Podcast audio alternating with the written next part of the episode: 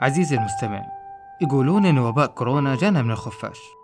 فوش تتوقع العلاقة بين الوباء المعلوماتي والحمام؟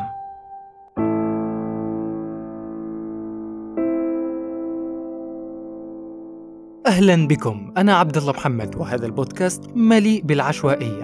هنا نتناول القصص والتجارب ونتشارك المعلومات والأفكار مع بسكوت مالح.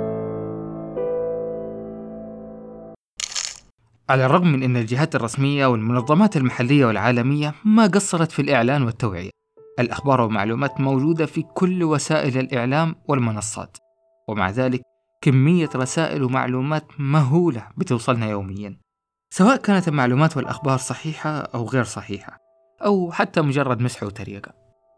قرنفل وزنجبيل قرنفل وزنجبيل قرنفل وزنجبيل ومع ملح قبل أخش في الموضوع ونفهم ليش كمية الرسائل والنشر اللي حاصلة دي وإيش السبب اللي يخلي بعض الناس يحسسك وكأنه هو اللي اخترع المعلومة أو الخبر؟ تعال خلينا أصب لك شاهي وترى طمنك كاسات اليوم سفري تيكاواي وشغل مرتب إجراءات وقاية يعني وكذا عزيزي المستمع الإنسان كائن اجتماعي بطبعه وزي ما عنده حاجة أساسية للأكل والشرب عنده حاجة أساسية للاندماج الاجتماعي. إنه يحس إنه جزء من هذا المجتمع. في نظرية اسمها فومو أو الخوف من فوات الحدث.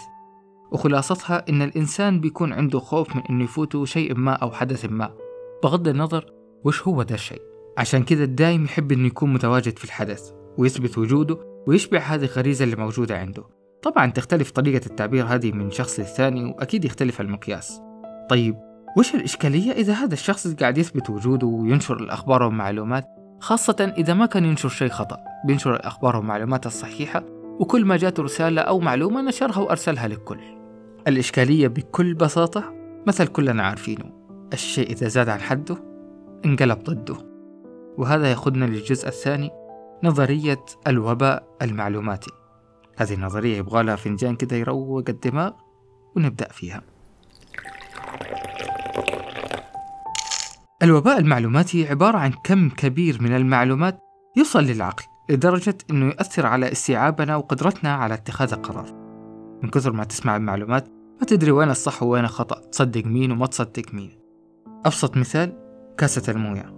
لها سعة معينة لو زودت عنها تفقد قدرتها على الاستيعاب وتطلع الموية برا حتى لو أنت قاعد تضيف موية نظيفة وما فيها أي شيء.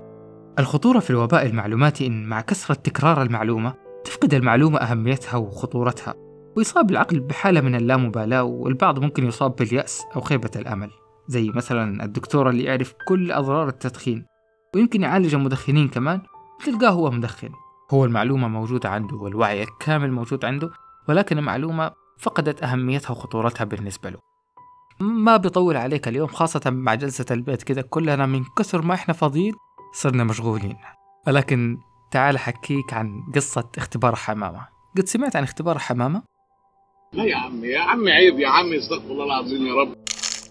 لا لا لا. تعال تعال خليني أحكيك القصة وأعطيك العلم. نرجع مع بعض للخمسينات وبالتحديد في معمل العالم سكينر. العالم سكينر كان متخصص في دراسة السلوك وكان له تجربة شهيرة في هذا الموضوع. صندوق والصندوق فيه حمامة وأكل لكن الحمامة عشان توصل للأكل في مكان معين لازم تلمسه. مجرد ما تلمس هذا المكان تنزل لها المكافأة اللي هي الأكل. بعد فترة الحمامة تعودت خلاص. إذا حست بالجوع تلمس هذا المكان تأخذ المكافأة. إلى هنا الوضع تمام. سكنر حب يغير شوي. وخلى الحصول على المكافأة بطريقة عشوائية. يعني مو بالضرورة في كل مرة الحمامة تلمس المكان تحصل على مكافأة. وبالتالي صار الحصول على المكافأة غير متوقع. والنتيجة كانت غريبة شوي. الحمامة صارت بسبب أو بدون سبب بتلمس هذا المكان. وكأن صار عندها إدمان لهذا السلوك على أمل إنها تحصل المكافأة الغير متوقعة. ما يذكرك هذا السلوك بشيء؟ أيوه بالضبط.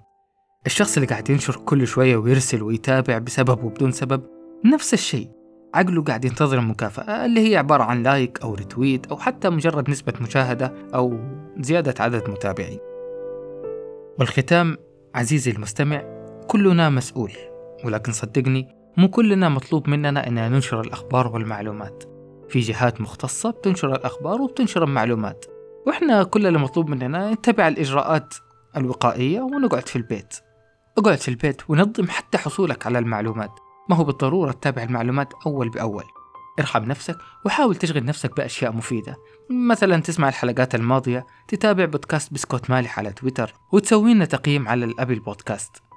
ترى هذه كومبو يعني تسويها كلها كده مع بعض. ولو حسيت إن الحلقة فيها فايدة أو استفدت منها شاركها مع شخص تحب إنه يستفيد. وفي الوصف راح أسيب لكم روابط لبرامج بودكاست ثانية وأثق إنكم إن شاء الله راح تستفيدوا منها. وفرصة سلي وقتك واستفيد. شكرا إنك وصلت معايا إلين هنا. وشكر خاص كالعادة لسنفور. نلقاكم هناك في أربعاء آخر بسيط. نلقاكم في بس أربعاء بقى بس بقى بس كفايه كذب كفايه كذب